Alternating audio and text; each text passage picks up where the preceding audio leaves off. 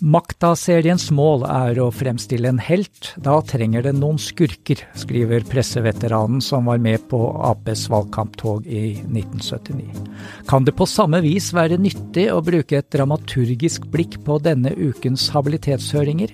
Det skal vi snakke om i denne ukens utgave av Morgenbladets podkast om politikk og økonomi. Jeg er Aslak Bonde, og på den andre siden av bordet for meg sitter Maria Berg Reinertsen. Ja, for uh, denne uka så har jo vi fulgt med på høringer i Stortingets kontroll- og konstitusjonskomité. Vi har sett statsrådene, eksstatsråder og tidligere og nåværende statsminister komme i tur og orden og forklare seg om hvordan de forstår reglementet for habilitet, og hvordan de vurderer sine egne handlinger. Eh, det er vi jo nødt til å sitte og se på, men det hele det politiske Norge har snakket om denne uka, egentlig, det er jo hvor full var Gro Harlem Brundtland på den der togturen i 1979. Og da følger vi opp. Vi, vi snakker litt, grann, ikke akkurat om hvor full hun var, men litt om den serien før vi går over til ja. å snakke om uh, habilitetssakene. Ikke sant, vi tar det viktigste først. Nett, og det viktigste er Hvor full var Gro? Eh, det har da opptil flere av de som var med på båten på togturen, de har skrevet eh, nå den, den, siste uken og sagt i intervjuer den siste uken at hun drakk ikke solo, hun, sånn som det fremstilles i serien. Hun satt på fanget til Oddvar Nordli, det står det i memoarbøkene. Mm, tidligere statsminister, daværende statsminister. Nettopp. Mm, ledet an i allsang.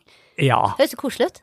Nettopp. Og det er egentlig ikke så viktig hvordan akkurat hun var. Det som er blitt den store snakkisen, som på en måte mange av spesielt de som husker den tiden og var med på den, det er jo denne blandingen av eh, fiksjon og historisk dokumentar. Og vi siterte da helt i starten Erling Rimehaug, tidligere politisk redaktør og kommentator i Vårt Land, som var med på togturen, som skriver om hvordan han satt på toget sammen med Reiulf Steen og diskuterte pinsebevegelsen på Hurum, helt fram til de kom til Hamar, og da ifølge Erling Rimehaug i den kristne dagsavisen Vårt Land, så rørte ikke Reiulf Steen alkohol så langt på turen, Nei, i hvert fall. Så han var da edru til Gudbrandsdalen? Ikke sant? Eh, det er her, her lista ligger. Ja, jo da, men, også, men så skriver jo Erling Rimehaug at det er jo han som da skriver det at selvfølgelig må det bli sånn, dette er underholdning, Gro er helten. Og da må man karikere Oddvar Nordli og Reiulf Steen mye verre enn det de egentlig var. Og det er der han og en rekke andre er opptatt av at man i disse tider med fake news osv. tegner et bilde av en fortid tid som ikke er riktig, rett og slett. Og det kan være veldig farlig, fordi dokumentarseriene er jo ekstremt snedige. De har så mange fiksjonsgrep at de kan si at dette er jo bare fiksjon.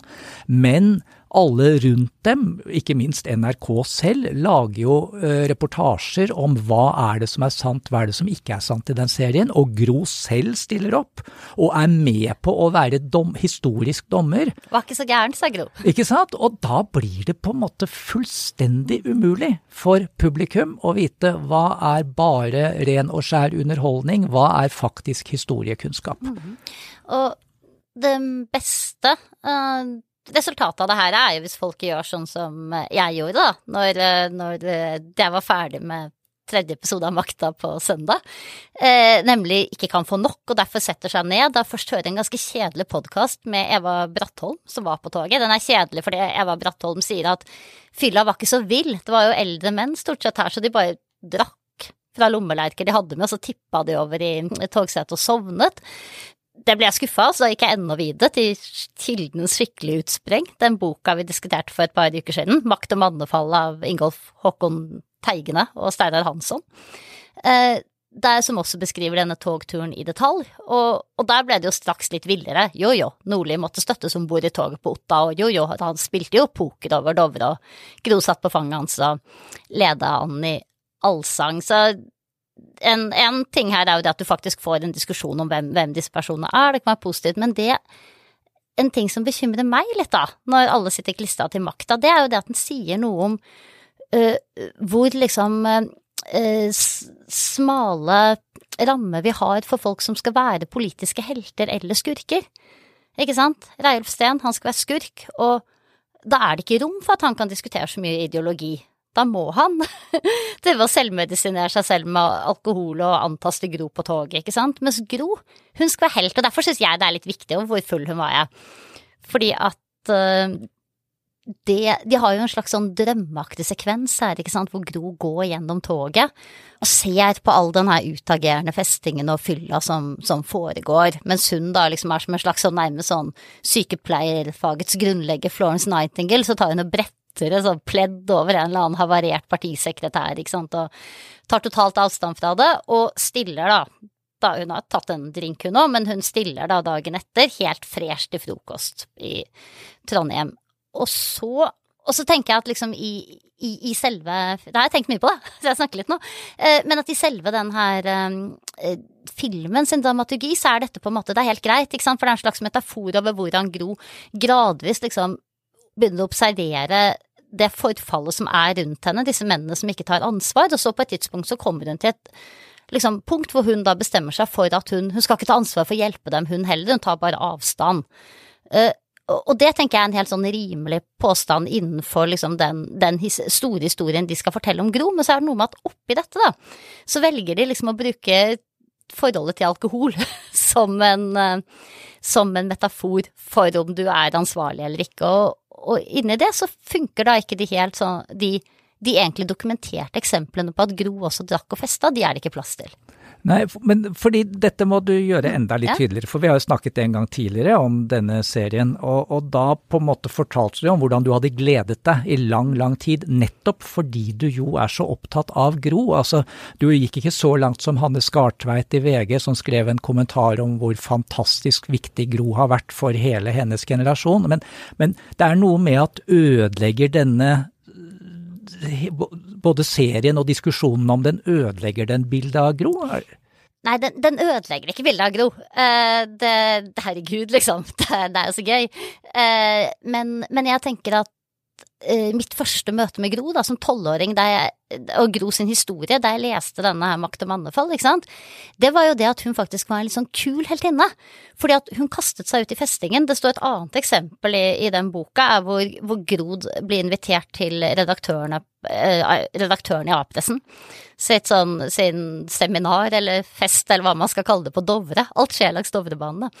Eh, og, og, så står det at hun kommer dit da, og kaster seg ut i festingen og sjarmerer disse folka i senk, og så holder hun et foredrag dagen etter som også blir godt mottatt. Så der åpner det jo liksom for en heltinne, da, som er helt om natten og helt om dagen også.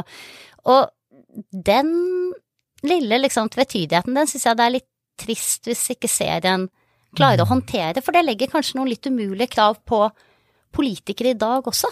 Nettopp, og nå snakker du oss egentlig innover til habilitetshøringen som var denne uken her. Ja, for det er dit vi skal, da. Ja, Selv om det ikke var så det, mye fyll. nei, men ikke sant, og det er nettopp det eh, eh, Ola Borten Moe, en av de avgåtte statsrådene, sa jo det at uh, allerede nå, og lenge har det vært slik at politikerne må holde seg på den smale sti.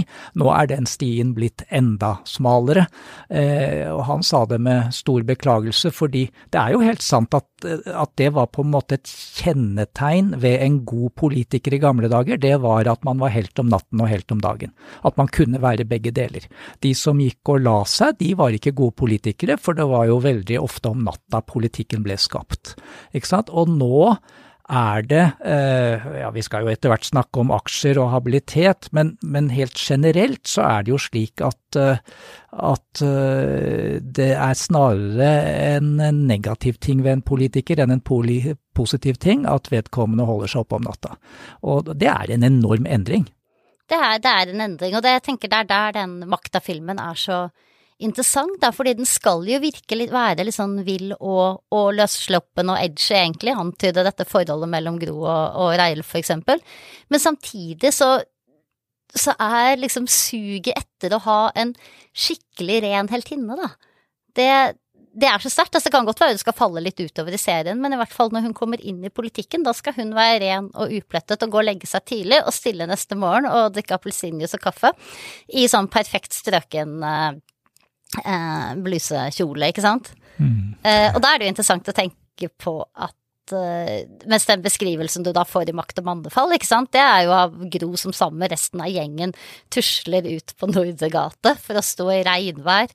Uh, og, og, og, følge og, og, prøve å tiltrekke seg velgere, da. Mens det faktisk er Oddvar Nordli som da han blir vekka til slutt, seint utpå dagen, tar initiativ til å stille i en sånn uh, radiodebatt med Kåre Willoch for å vinne igjen litt initiativ i mm. skattedebatten. Ja. Vi, vi, nøyer oss med den om historien nå, for nå skal vi gå til grillingen ja. denne uken. Og, og bare, Var det grilling? Nei, det er nettopp det. Bare det ordet. Det er eh, Håkon Gundersen, vår kollega i Morgenbladet, har skrevet en fantastisk reportasje i Fredagsavisen om nettopp kontrollkomiteens 30-årsjubileum, som eh, han var den eneste som visste om. Da han gikk til komiteen, så var det jo ingen som visste at de hadde 30-årsjubileum. Men eh, Håkon skriver jo da at det er jo ikke grilling, det er heller å sammenligne med å bli trukket en time i sydende vann. Og, og, det er jo ganske riktig, for spesielt denne uken, det var jo en maratonhøring fra klokka halv ni om morgenen til klokka åtte om kvelden, så, så, var det jo ikke en sånn type utspørring av politikerne at du følte at de ble svidd på noen som helst måte, men du så hvordan man på en måte trakk kraften ut av dem. Og da er jo spørsmålet, hvis vi på en måte ser på dette litt som sånne dramaturger, da, altså hvordan fungerte egentlig den høringa? Har du noe oppspill? Uh, ja, var det bra eller dårlig politisk teater? Nettopp. Uh, det var i hvert fall politisk teater, tenker jeg. Fordi alle som går inn der, ikke sant, de har jo en, en rolle å, å, spille. Og, og det er ikke uh, Det handler ikke bare ikke sant, om, om sakens fakta, det handler også om skjønner vi etter hvert når du ser det, da, ser hvor forskjellig de velger å spille den rollen sin, så handler det også noe sant, om hvordan man, hvordan man, fremfører det, hvilken rolle man tar. Jeg syns Ola Borten Moe nevnte det var, var kjempeinteressant, fordi mens Erna Solberg holdt på den der litt sånn selvrettferdige eh, Jeg er lei meg for at mannen min har handlet masse aksjer, men jeg er lurt og egentlig uskyldig og forresten hadde ikke noen konsekvenser. Så var Ola Borten Moe Han gikk inn mer som en sånn ja, her har det skjedd gale ting, nå må vi rydde opp, jeg er her for å hjelpe dere. Eh, så han gikk mer sånn likende dialog, ikke sant, med, eh, med komiteen. Mm. Og, og fremsto jo da som en rett og slett veldig hjelpsom fyr. Mm. Og dette teatret som mm. du snakker om, det hadde jo da anmeldere, de politiske kommentatorene. Ja. Og veldig interessant da Erna Solberg, hun, hun, var med to ganger. Hun startet på eh, morgenen med å snakke om sin egen sak, og så avsluttet hun, hun og Jonas Gahr Støre på slutten av dagen med å snakke om regjeringens håndtering av habilitet. På den første sekvensen hvor hun snakket om seg selv, så skrev både eh, Astrid Mæland i VG og Eva Grinde i Dagens Næringsliv hver sin kommentar etter den utspørringen. Da skrev Astrid Mæland at Erna kom styrket ut, mens eh, Eva Grinde skrev at dette holder ikke. Det er ikke mulig for Erna å tviholde på denne skulle jeg virkelig mistrodd min mann-argumentasjonen. Og det er utrolig interessant hvordan Erna Solbergs opptreden i den, komité, i den høringen ble vurdert veldig ulikt. Og ikke minst er det interessant, fordi konsekvensene av denne høringen, hva er det? Jo, for Erna Solberg så kan ikke kontrollkomiteen gjøre noe som helst om at hun kan bli kasta, for det er jo bare Høyre som bestemmer om hun skal være partileder og statsministerkandidat. Og, og dermed så er det jo på en måte det eneste som var viktig for Erna Solberg, var jo hvordan folket så henne i det teatret. Og da kan det jo hende, altså jeg synes jo Eva Grinde har noen veldig gode argumenter, men det kan jo hende at det var Astrid Mæland som på en måte representerte velgerne.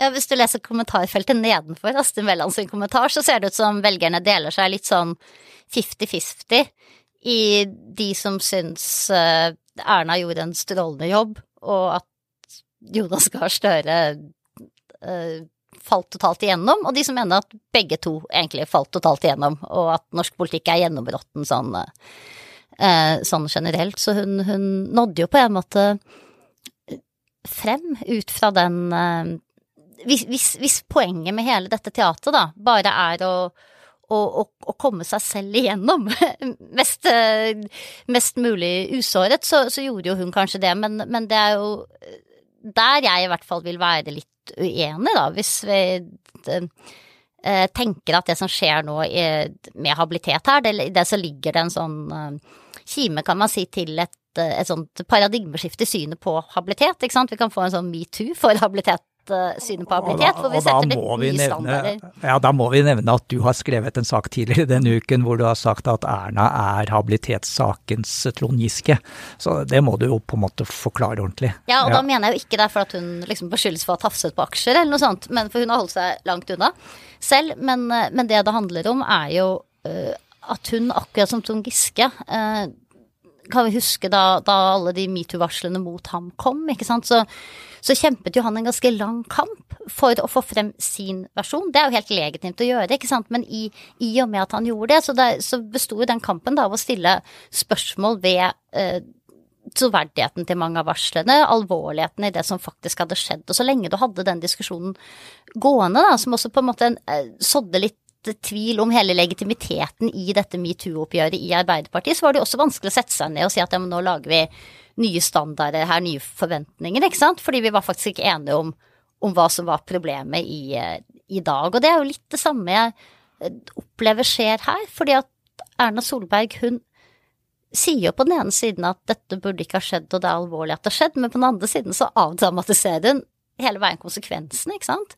Det var ikke noe jeg kunne gjort egentlig for å opp dagen etter hvis jeg ikke skulle mistro min mann, og sånn, jeg, sånn, person vil jeg ikke være. Og øh, ja, kanskje var jeg inhabil, men konsekvensen var uansett ikke så, så, stor fordi at regjeringen behandlet saker som var enten var veldig generelle i forhold til de investeringene han hadde, eller det var ikke noe uenighet om hva vi skulle bestemme og sånt, og da blir det jo liksom frista til å si at det er konseptet med sånn daytraden og ektemann og statsministerkone, det fungerer jo helt utmerket, det. Ja, og, og det er jo litt sånn jeg, jeg, følger deg ganske langt på vei, fordi det er jo også noe med denne åpenheten hennes, som jo er, det er imponerende at hun står i det. Men uh, all denne åpenheten, det at hun hele tiden er villig til å svare på så mange spørsmål, det, det er jo noe med at det er hennes favorittøvelse, for hun er så god på detaljer, så hun kan på en måte alltid finne en eller annen bortforklaring, og alltid en eller annen måte å få det hun, det hun selv ikke har gjort, til å virke helt plausibelt. Og, og det er jo veldig interessant, fordi det leder jo opp til en veldig interessant diskusjon egentlig om i hvilken grad hun tar ansvar for det som har skjedd. Mm -hmm. for, og, og, der vil jeg litt tilbake til disse politikerrollene eh, sånn som de fremstilles i makta, da. Fordi jeg, jeg tenker at det, det, handler jo noe om at vi er enige om at her har vi et bilde sant, av at den heltinnen må være så veldig, veldig ren. og på samme vis da, så virker det som det er veldig vanskelig for Erna Solberg å på den ene siden be om tillit fra velgerne, på den andre siden si at vet du hva, her gjorde jeg en feil. Uh, jeg burde ha undersøkt bedre, burde ha, statsministeren bør sjekke ligningen så grundigere enn en jeg gjorde. Uh, jeg, jeg, burde ikke ha, som flere kontrollkomiteen var ute etter å spørre henne, da, overlatt til mannen og, og hennes å vurdere når grensen var nådd for at, at hun måtte informeres om handel i aksjer, ikke sant. Jeg burde ha Eh, det å si at ja, ok, jeg gjorde en feilvurdering, eh, det har jeg lært av, ferdig med det, det, det gjør hun jo ikke. Eh, og hvorfor er ikke det mulig? Fordi hun, det virker helt åpenbart, hun syns ikke hun har gjort noen stor feil. Hun er blitt lurt av sin ektemann, og det er på en måte hennes feil, og det kan jo ikke hun bebreides for, det er det hun sier. Og da kommer det formelle spørsmålet om ansvar inn, ikke sant. Altså hun ble spurt om det flere ganger i denne høringen, eh, i hvilken grad du har, altså hvem skal du få tillit fra, og da, eh, altså hun hun, når hun definerer tillitsspørsmålet, så er det utelukkende i hvilken grad Høyre og eventuelt andre borgerlige partier før valget i 2025 vil gi henne tillit som statsministerkandidat. Det er ikke eh, hun er overhodet ikke i nærheten av problemstillingen om hun er tillitsverdig, om hun er verdt tillit. Og, og det er selvfølgelig ganske øh, det er litt rart, faktisk, at en som har vært så sentral i norsk politikk så lang tid, ikke på en måte ser at, det, at tillit kan gå begge veier, egentlig. Ja, og, og det skriver du om i en, en kommentar eh, på, på Morgenbladets nettsider den uka her også. Tenker du at, at dette er enestående for Erna Solberg i den høringen, eller var de andre som deltok der også preg av det? Litt ulikt. Jeg syns noe av det mest interessante i den saken, det var Jonas Gahr Støres avslutning av hele høringen, hvor han virket egentlig ganske forbanna på en del av de egne partifellene som hadde da vært i høringen tidligere, og som hadde måttet gå av. Og da Fordi, snakker vi Anniken Huitfeldt og Trettebergstuen? Ikke sant? Og, eh, og, Ola Borten Moe også, selv om han da er Senterpartiet. Fordi de alle sammen sa at det var for dårlig opplæring, det var for utydelig regelverk, og de pekte på konstitusjonell avdeling ved statsministerens kontor. Og da, altså Det er jo ikke riktig å si jo, altså Vi tabloidjournalister vi sier jo da at da smalt Jonas Gahr Støre tilbake og sa at det går ikke an. Statsråder har ansvar, ferdig med det. De har til og med en plikt til å undersøke saker hvis de ikke hvis det er noe de ikke forstår, så er det deres plikt å finne ut av hvordan det bør forstås. Det å skylde på noen andre, det, det er ikke tillatelig. Og så la han til at at uh, altså han ble spurt av en veldig velvillig partikollega i utspørringen da om hvordan han oppsummerte alt dette, uh, og da sa han for det første uh, han hadde gjort for å passe på habilitet, var å passe på seg selv, og da refererte han nok til hvordan han har satt alle sine arvede penger i banken. Det andre han gjorde, det var å etablere en ansvarskultur, og det tror jeg faktisk at disse habilitetssakene har egentlig presset Jonas Gahr Støre inn i en mye tydeligere posisjon enn han egentlig hadde tenkt å være, som den statsministeren som gjeninnfører ansvarskulturen for regjeringsmedlemmene, altså at de er de må ta ansvar for det som skjer i hele deres eh, parlamentariske ansvarsområde, uansett om de har skyld eller ikke. Og det er jo kjempespennende, da, hvis det er, det er det som kommer ut av dette. For det her er det jo et slags sånn syndefall, hvis jeg, skal skjønne, forstå, hvis jeg har forstått deg riktig. Ikke sant? Ja, jeg mener jo det. Uh, hvor, hvor, Jens Stoltenberg, ved å ikke gå av når uh, regjeringen hans får den der knusende vurderingen av hvordan de håndterte sikkerhet opp mot terrorangrepene 22.07, på den måten så har, har, måte har det utvannet, da, gradvis en sånn ja, sånn narkotikatrappen nedover, da, så det, har det ført til at uh, grensen for når statsrådet går, den uh, På sånne ting som de ikke liksom akkurat kan tas på at de har snusket selv, ikke sant, den, den settes stadig, stadig høyere. Og er det her du tenker nå at Jonas Gahr Støre da går inn og sier at nei, vet du hva, det gjelder ikke bare habilitet, det gjelder også andre ting, det holder ikke at ingen fortalte deg det, men du har faktisk ansvar for å skaffe deg kunnskapsgrunnlagen før du fatte beslutninger? Ja, det er akkurat sånn jeg mener det. Det som blir spennende nå, det blir om kontrollkomiteen i Stortinget slutter seg til det. Eh, her er det mye sånn eh, konstitusjonelt snagg, fordi eh, kontrollkomiteen i Stortinget skal egentlig bare kontrollere, den skal ikke si så mye om veien videre. Så i hvilken grad de sier veldig tydelig noe om hvordan ansvar skal forvaltes, det vet vi ikke helt ennå. De kommer da med en innstilling, det er jo da et skriftlig dokument om hva de skal mene om denne saken. Den kommer nok rett før jul, og så blir det debatt etter jul. Så, og da blir det spennende å se også om kontrollkomiteen slutter seg til Jonas Gahr Støres forståelse av ansvarskultur. Ja, så vi venter på neste sesong ja. av kontrollkomiteen? Ja, nettopp. Og så må vi bare ta med, fordi eh, Martin Kolberg er liksom en av de som virkelig har levd med og for eh, kontrollkomiteen i Stortinget eh, i veldig mange år. Tidligere partisekretær i Arbeiderpartiet. Et slags bindeledd mellom makta perioden og nå, kan man si. Og ja. han sier da i denne saken som Håkon Gundersen har skrevet i avisen eh, denne uken, så sier Martin Kolberg husk det står en evig lysbue mellom regjeringsapparatet og parlamentet. Den står der og glitrer i balansen mellom den utøvende makt og kontrollen av den. Tenk at politikere kan, kan tenke sånn rundt institusjonene våre. Det er jo utrolig fint. Og med det så gleder vi oss til neste episode eh, neste uke. Vi takker produsent Emma Johnsen Rødli, ansvarlig redaktør Sun Heidi Sebø. Og så minner vi om at eh, Morgenbladet nå har tre podkaster ute fast, både om politikk og økonomi som vi lager, og om bøker og om kultur.